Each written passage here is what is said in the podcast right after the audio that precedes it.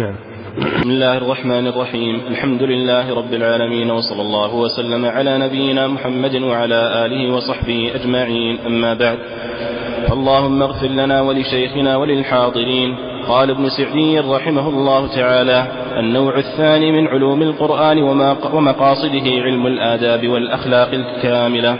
القرآن الكريم كتاب تعليم وإرشاد وكتاب تربية على أكمل الأخلاق وأحسن الآداب وأسمى الأوصاف وحث عليها بكل وسيلة وزجر عن ضدها لا يوجد خلق كامل إلا وقد دل عليه القرآن ولا أدب حميد إلا وقد دعا إليه وبينه والأخلاق الكاملة والآداب السامية تجعل صاحبها مستقيم الظاهر والباطن معتدل الأحوال مكتمل الأوصاف الحسنة طاهر القلب نقيه من كل درن وآفة ونقص قوي القلب متوجها قلبه إلى أعلى الأمور وأنفها قلبه إلى أعلى الأمور وأنفعها قائما بالحقوق الواجبة والمستحبة. محمودا عند الله وعند خلقه قد حاز الشرف والاعتبار الحقيقي وسلم من كل دنس وآفة قد تواطأ ظاهره وباطنه على الاستقامة وسلوك طريق الفلاح. وعلو مكانة المتخلق بأخلاق القرآن وآدابه لا يمتري فيه من له أدنى مسكة من عقل لأن العقل من أكبر الشواهد على حسن ما جاء به الشرع. ولهذا ينبه الله أولي العقول والألباب ويوجه إليهم الخطاب لأنه كلما كمل عقل الإنسان عرف كمال ما جاء به الشرع وأنه يستحيل وجود قانون أو نظام أو غيرها يقارب ما جاء به القرآن كمالا وفضلا ورفعة وعلوا ونزاهة. ويعرف ذلك بتتبع ما جاء به القرآن فمن أخلاقه وآدابه التي فاقت جميع الأخلاق الحث على الإخلاص لله في الأقوال والأفعال والإنابة إلى الله في جميع الأحوال. كما أمر الله بالإخلاص في آيات عديدة وأثنى على المخلصين والمنيبين إليه وأخبر أنهم المنتفعون بالآيات فالإنابة هي انجذاب القلب وإقباله التام على الله ويتحقق ذلك بالإخلاص لله في كل ما يأتي العبد وما يذر في معاملته لله والقيام بعبوديته وفي معاملته للخلق والقيام بحقوقهم. فأصل استقامة القلب بهذين الأمرين فإن المنيب المخلص لله تعالى قد استقام على الصراط المستقيم وقد تواطأ ظاهره وباطنه على الخير المحض وقد سهلت عليه الأعمال بما في قلبه من قوة الإنابة وما يرجو من ربه من جزيل الثواب. ولا يخفى أن النصيحة التي هي الدين كما قال النبي صلى الله عليه وسلم الدين النصيحة ثلاثة. لا يمكن وجودها ولا تمامها إلا بهذين الأمرين. فالمنيب المخلص لله لا تجده إلا ناصحا لله ولرسوله ولكتابه ولأئمة المسلمين وعامتهم.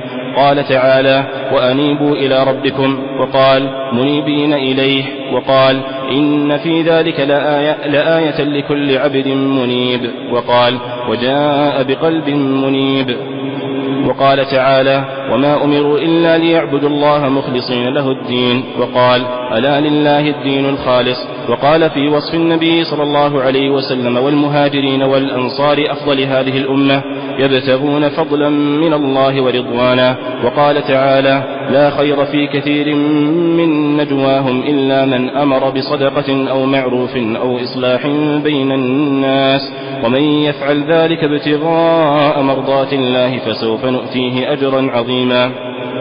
فالمخلص لله قد علق قلبه بأكمل ما تعلقت به القلوب من رضوان ربه وطلب ثوابه وعمل على هذا المقصد الأعلى فهانت عليه المشقات وسهلت عليه النفقات وسمحت نفسه بأداء الحقوق كاملة موفرة وعلم أنه قد قد تعوض عما فقده عما فقده أفضل الأعواض وأجزل الثواب وخير الغنائم. وأيضا من ثمرات الإخلاص أنه يمنع منعا باتا من قصد مراءاة الناس وطلب محمدتهم والهرب من ذمهم والعمل لأجلهم والوقوف عند رضاهم وسخطهم والتقيد بإرادتهم ومرادهم. وهذا هو الحرية الصحيحة ألا يكون القلب متقيدا متعلقا بأحد من الخلق ومن ثمرات الإخلاص أن العمل القليل من المخلصين. وهذا هو الحرية. كذا ولا وهذا وهذه هي؟ تكون على تقدير يعني وهذا هو وصف الحرية. نعم. أحسن الله عليكم. وهذا هو القضية الصحيحة أن لا يكون القلب متقيدا متعلقا بأحد من الخلق. على تقدير يعني على تقدير متعلق محذوف. فيكتب الإنسان على تقدير متعلق محذوف. ما يروح يضيف بين بين معقوفتين هذا أو يغيره وإنما يقول على تقدير متعلق محذوف مذكر وهذا هو وصفه. نعم. أحسن عليكم. ومن ثمرات الإخلاص أن العمل القليل من المخلص يعادل الأعمال الكثيرة من غيره وأن أسعد الناس بشفاعة محمد صلى الله عليه وسلم من قال لا إله إلا الله خالصا من قلبه وأنه أحد السبعة الذين يظلهم الله في ظل يوم لا رجلان تحابا في الله اجتمعا عليه وتفرقا عليه.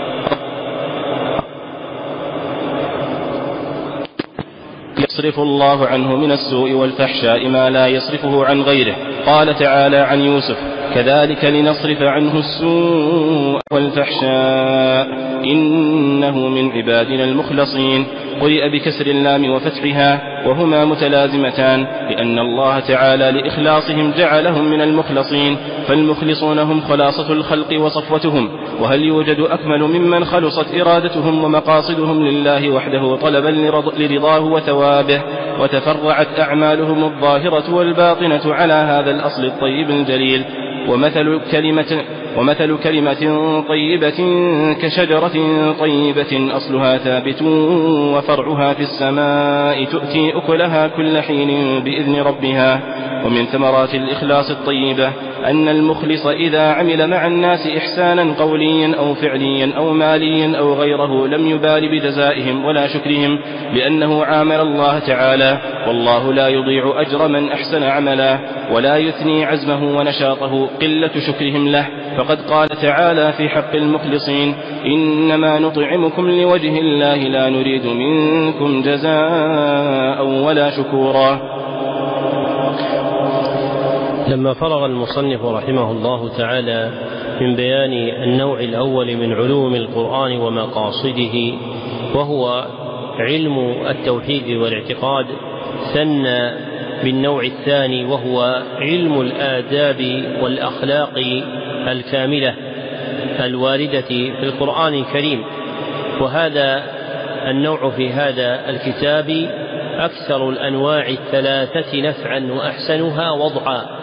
فإن المتكلمين في الآداب والأخلاق قديما تبعوا الخطرات والوساوس والمتكلمون فيه اليوم تبعوا أهل, تبعوا أهل الإفلاس من أرباب مدارس التربية والإصلاح في الشرق والغرب ممن لم تؤسس علومهم على الكتاب والسنة. فالسني المتبع لا يجد ترياقا شافيا ولا مرهما مداويا أمثل من تلقي الآداب والأخلاق من كتاب الله وسنة النبي صلى الله عليه وسلم. واختص هذا الكتاب بإبراز علم الآداب والأخلاق الكاملة في القرآن الكريم. وأحسن رحمه الله تعالى إذ أفرد هذا النوع بالذكر لشدة الحاجة إليه وافتقار الخلق في صلاح أحوالهم في الدنيا والآخرة إلى مثله. فينبغي أن يعتني طالب العلم عناية شديدة بهذا النوع كعنايته بالباب المتقدم ومما يؤسف عليه أن كثيرا من المنتسبين إلى السنة والأثر. تشخص أبصارهم وتحرص أنفسهم عند ذكر مسائل الاعتقاد الواردة في الكتاب والسنة ولا يرفعون رأسا ولا تسمع لهم ركزا إذا أريد جمعهم على ما يتعلق بإصلاح النفوس وتهذيب الأخلاق بأبواب الأدب المأثورة في الكتاب والسنة حتى غدا علم الآداب والأخلاق علما عند كثيرا عند كثير من ملتمس العلم حظا للعامة أو لطوائف زاغت عن الصراط المستقيم من الصوفية وغيرهم. وهذا من الجهل بدين الله عز وجل. فإن الله سبحانه وتعالى جعل ضمن هذا الدين الذي أمرنا أن نعبده به ادابا واخلاقا. لا قيام لديننا إلا بمعرفتنا بها وامتثالنا لها. فلا يظنن أحد أن باب الآداب والأخلاق باب سهل المسلك فإنه لو قدر وجوده كذلك علما إلا أنه يعسر وجوده في الأنفس عملا. فالتأدب بالآداب الكاملة والأخلاق الفاضلة يحتاج إلى مجاهدة عظيمة.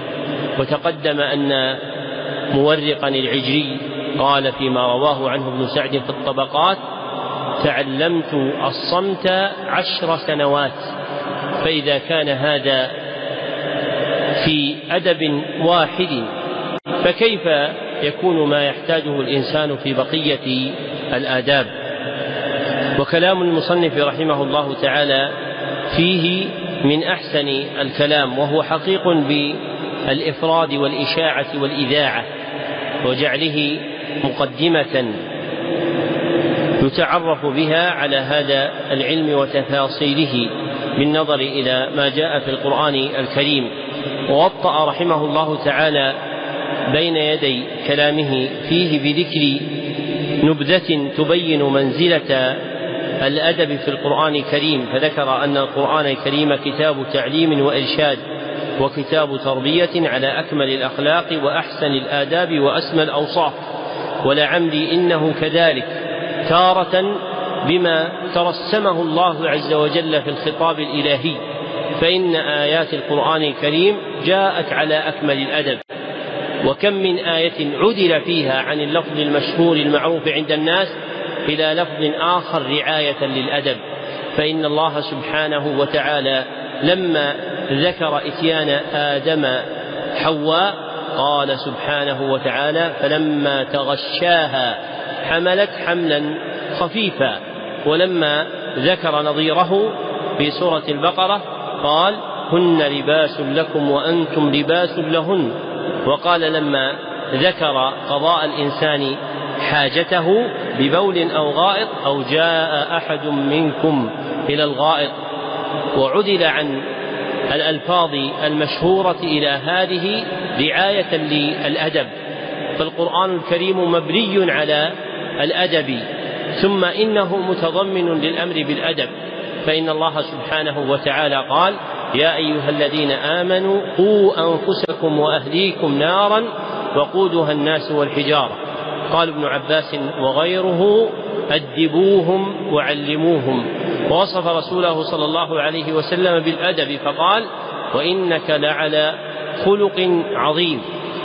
ووقوع بناء الأدب في القرآن بسياقه أو بالأمر به يحتاج إلى إفراد القول فيه في مقام آخر بإذن الله عز وجل. والمقصود أن تعلم أن القرآن الكريم تضمن جلائل الآداب وعظائمها التي تنبغي العناية بها. فينبغي عند قراءته أن يستحضر الإنسان هذا المعنى وأن يجتهد في استنباط الآداب والأخلاق الكاملة الواردة فيه. وقد ترجم المصنف رحمه الله تعالى هذا النوع بقوله النوع الثاني من علوم القرآن ومقاصده علم الآداب والأخلاق الكاملة. والآداب جمع أدب وهو كل ما يحمد شرعا أو عرفا. ذكره أبو الفضل ابن حجر في فتح الباري وقال ابن القيم في مدارج السالكين الأدب اجتماع خصال الخير في العبد. وما ذكره ابن القيم لا يخالف ما ذكره ابن حجر. فإن ابن القيم عرفه باعتبار كونه ملكة قائمة في النفس. فإذا وصف الإنسان بأنه ذو أدب فالمراد أن خصال الخير مجتمعة فيه. وأما بتعريف أفراده فالقول فيها ما قال ابن حجر أن الأدب اسم لما يحمد شرعا أو عرفا. وأما الأخلاق فهي جمع خلق وله معنيان.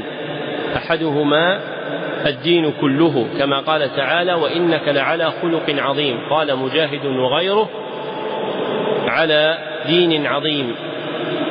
والآخر أن الخلق اسم للمعاملة التي تجري بين المرء وغيره.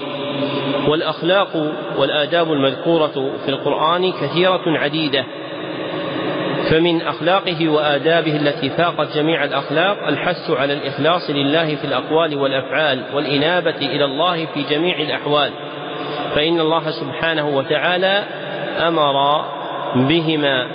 وسيذكر المصنف رحمه الله تعالى فيما يستقبل الآيات الآمرة الآيات الآمرة بذلك. وابتدأ القول فيها ببيان حقيقة الإنابة. فبين أن الإنابة هي انجذاب القلب أي ميله الشديد بالإقبال. فإن الانجذاب القلبي المقترن بالميل والإقبال هو الذي يكون إنابة. وحقيقتها الشرعية كما سبق هي رجوع قلب العبد إلى الله محبة وخوفا ورجاء فالإنابة شرعا رجوع قلب العبد إلى الله محبة وخوفا ورجاء. وخصت هذه الثلاثة بالذكر لأنها أركان العبادة التي تدور عليها. فإن عبادة أحدنا مشيدة على هذه الأركان الثلاثة الرجاء والحب والخوف. وإليهن أشرت بقولي أركان عبادة الله رجاء حب وخوفه يا ذا الحجاء أركان عبادة الله رجاء حب وخوفه يا ذا الحجاء أي يا صاحب العقل. ثم ذكر المصنف رحمه الله تعالى أن أصل استقامة القلب بهذين الأمرين أي بالإنابة والإخلاص. وتقدم أن الإخلاص هو تصفية القلب من إرادة غير الله. وأشرنا إلى عقد معناه بقول إخلاصنا تصفية للقلب من إرادة غير الله فاحذر يا فطن. ثم ذكر رحمه الله تعالى أن النصيحة المأمور بها في الدين لا يمكن وجودها ولا تمامها إلا بالإنابة والإخلاص. ثم شرع رحمه الله تعالى يورد الآيات المادحة والآمرة بالإنابة. فقال قال تعالى وأنيبوا إلى ربكم. وقال منيبين إليه. وقال إن في ذلك لآية لكل عبد منيب. وقال وجاء بقلب منيب. وحقيقة ذلك كله هو الرجوع إلى الله عز وجل على الحال المتقدمة.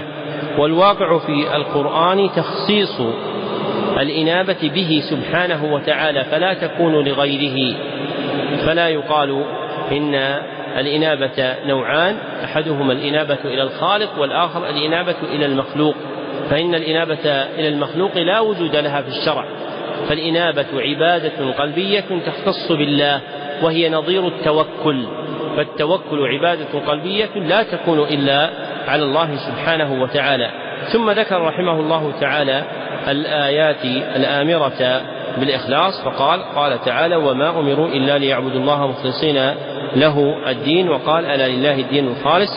وقال في وصف النبي صلى الله عليه وسلم والمهاجرين والأنصار يبتغون فضلا من الله ورضوانا فابتغاؤهم دليل إخلاصهم. ثم أورد قول الله عز وجل ومن يفعل ذلك ابتغاء مرضات الله فسوف نؤتيه أجرا عظيما. ثم ذكر رحمه الله تعالى أن المخلص لله علق قلبه بأكمل ما تعلقت به القلوب من رضوان الله وطلب ثوابه وعمل على هذا المقصد الأعلى فهانت المشقات وسهلت عليه النفقات وسمحت نفسه بأداء الحقوق كاملة موفرة وعلم أنه قد تعوض عما فقده أفضل الأعواض وأجزل الثواب وخير الغنائم فهو لا يريد شيئا من الخلق وإنما يريد فضل الله عز وجل ورضوانه. فلما كان هذا مطلوبه سهل عليه ما دونه.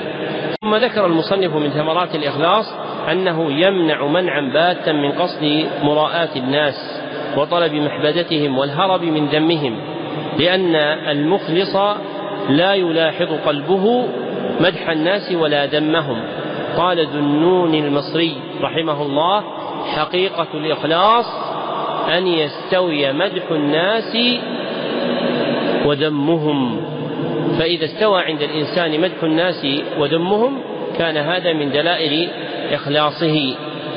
ثم ذكر المصنف رحمه الله تعالى أن براءة القلب وسلامته من تطلعه إلى الناس بمدح أو ثناء أو خوفه من ذم وعيب هي الحرية الصحيحة. فلا يكون القلب متقيدا متعلقا بأحد من الخلق. فحرية قلبك هي في عبوديته لله وحده. فإذا كان فيه نظر إلى غير الله فقد صرت عبدا له. قال ابن القيم رحمه الله تعالى في النونية هربوا من الرق الذي خلقوا له فبلوا برق النفس والشيطان فيخرج الإنسان من رق في قلبه لله أو ويجعله لغير الله سبحانه وتعالى فيكون في ذلك تقييد له.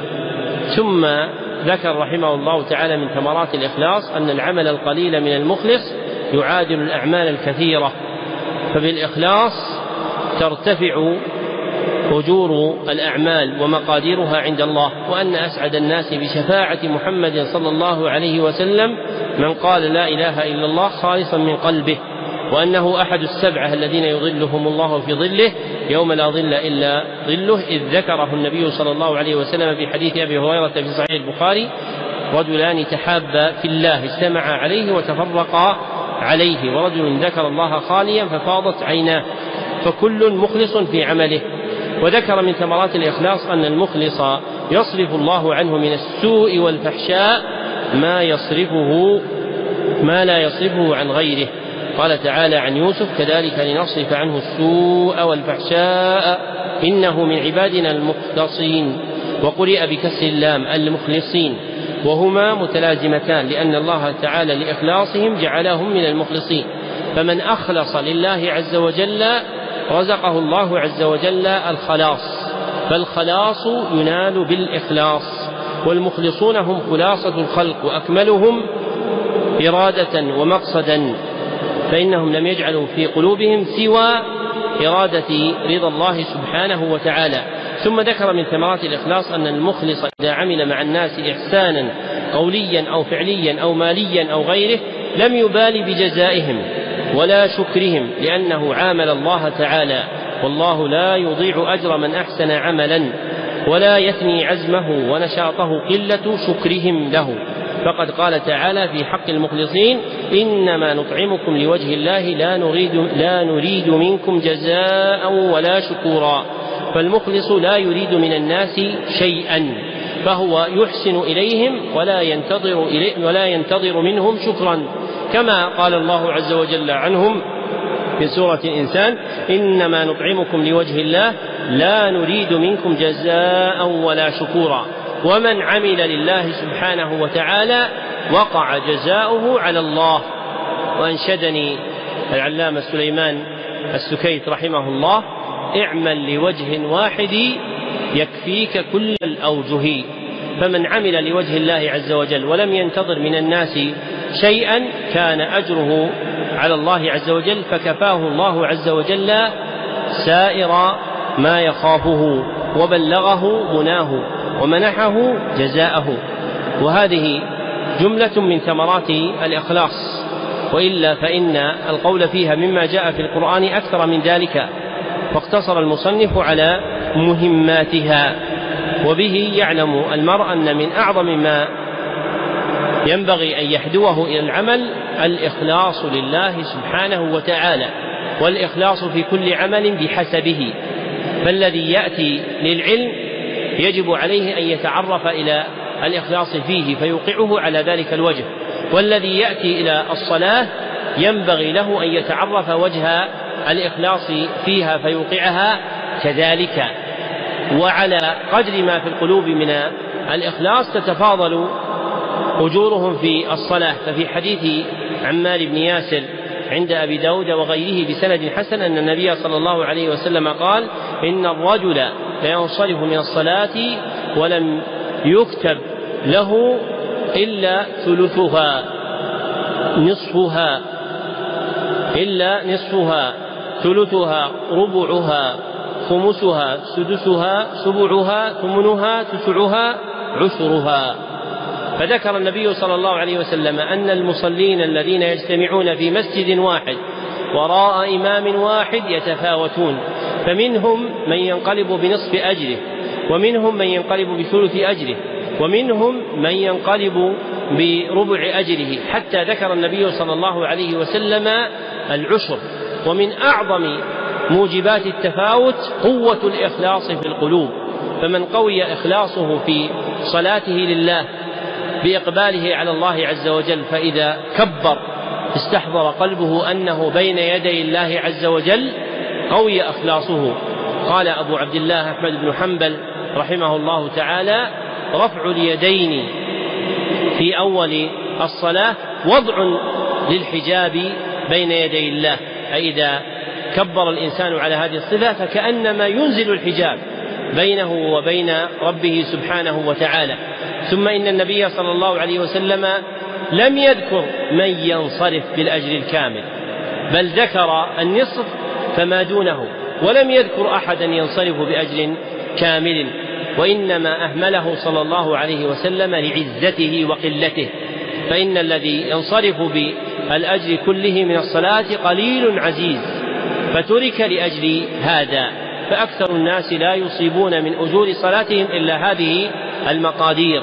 وأحدنا لم يخرج من بيته إلا لأجل أن يفوز بالأجر كله ما استطاع إلى ذلك سبيلا. فينبغي أن تشتد مجاهدته في طلب تحصيل الأجر في الصلاة. واعلموا أن هذا الأمر ينبغي أن يقوى في الصلاة أشد من غيرها لأنها أعظم صلة بينك وبين الله سبحانه وتعالى. فإذا قويت صلتك بالله في صلاتك قويت صلتك بالله فيما سوى ذلك. ومن الناس من يطلب صلة من يطلب صلة الله به إذا مسه ضر مسته ضراء. ويظن أنه يدركها على تلك الحال. وإنما تكمل إذا كان الإنسان في حال رخائه وصلاته خاصة مقبلا على الله سبحانه وتعالى. وهذا آخر التقرير والبيان على هذه من الجملة من الكتاب. وبالله التوفيق. الحمد لله رب العالمين. وصلى الله وسلم على عبده ورسوله محمد وآله وصحبه أجمعين.